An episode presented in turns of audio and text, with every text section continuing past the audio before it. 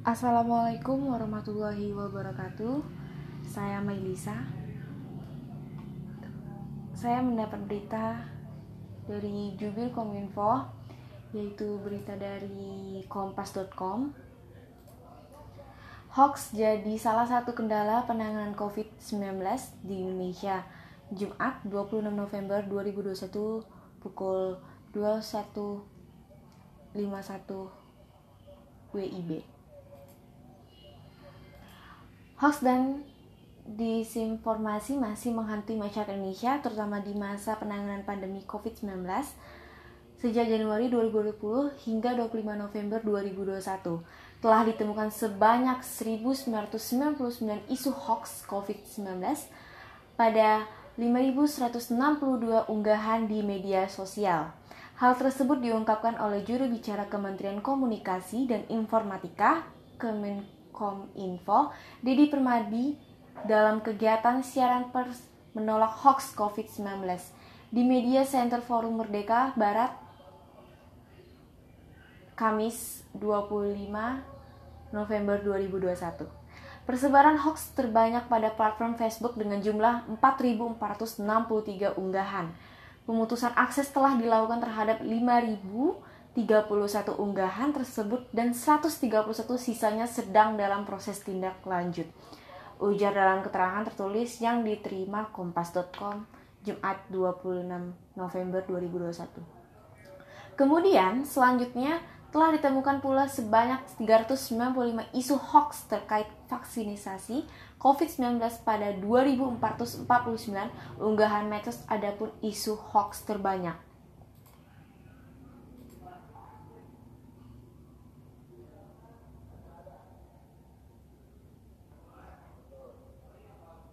ditemukan pada platform Facebook yaitu sebanyak 2.257 unggahan pemutusan akses juga telah dilakukan terhadap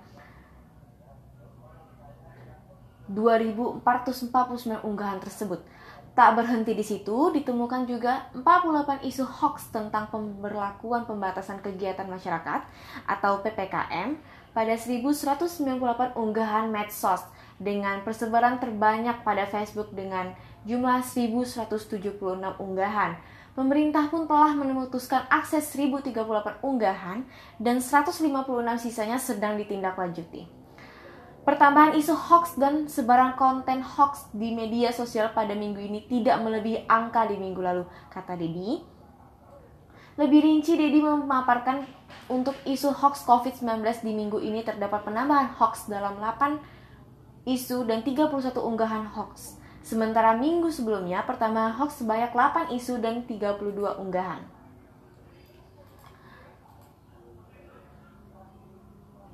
Kemudian terdapat penambahan 95 isu dan 24 unggahan hoax terkait vaksinasi COVID-19 pada minggu ini, sementara minggu sebelumnya sebanyak 8 isu dan 27 unggahan tentang isu hoax vaksinasi.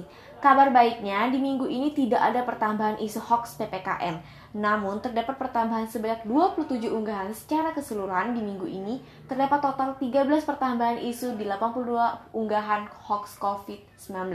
Vaksinasi COVID-19 serta PPKM. Sementara pada minggu lalu terdapat total 16 pertambahan isu di 86 unggahan hoax jelas Dedi. Salah satu hoax yang sudah tersebar dan perlu ditangkal adalah mengenai CEO Pfizer yang ditangkap Biro Investigasi Federal FBI Amerika Serikat karena penipuan dan pemaksuan data vaksin. Hoax tersebut tersebar pada Kamis 8 November 2021. Selain itu ada pula diinformasi mengenai anggota parlemen Austria meninggal dunia karena vaksin COVID-19 yang tersebar pada Sabtu 20 November 2021. Kehadiran hoax tersebut menurut Dedi menjadi salah satu kendala penanganan COVID-19 di Indonesia.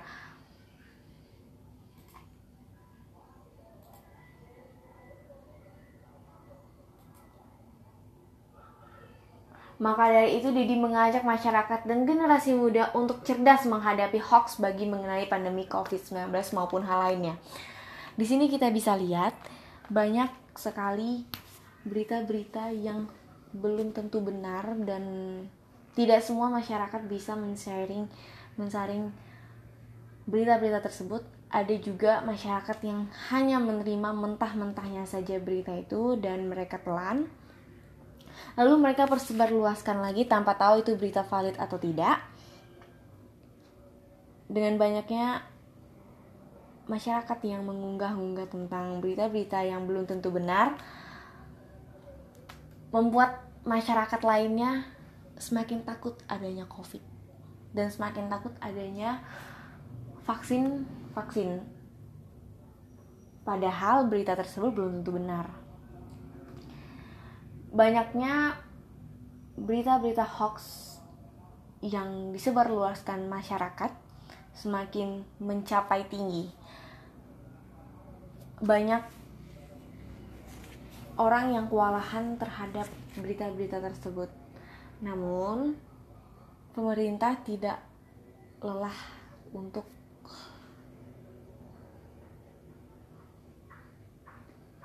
pemerintah tidak lelah untuk menangani kasus-kasus berita hoax tersebut. Hmm, menurut saya, mari kita dukung penanganan pandemi dengan tidak membuat dan menyebarkan hoax. Bersama-sama kita mempelajari literasi digital, tetap menjalankan prosedur kesehatan saat beraktivitas, melakukan vaksinasi, dan tekan risiko persebaran COVID-19. Jadi, dengan kita menutupi berita-berita hoax, menjauhi berita-berita yang belum tentu kita tahu benar atau salah. Betulan berita itu nyata atau tidak. Kita juga harus tetap menjalankan prokes kesehatan dan juga kita tetap menjalankan pola hidup sehat. Sekian dari saya, Melisa. Wassalamualaikum warahmatullahi wabarakatuh.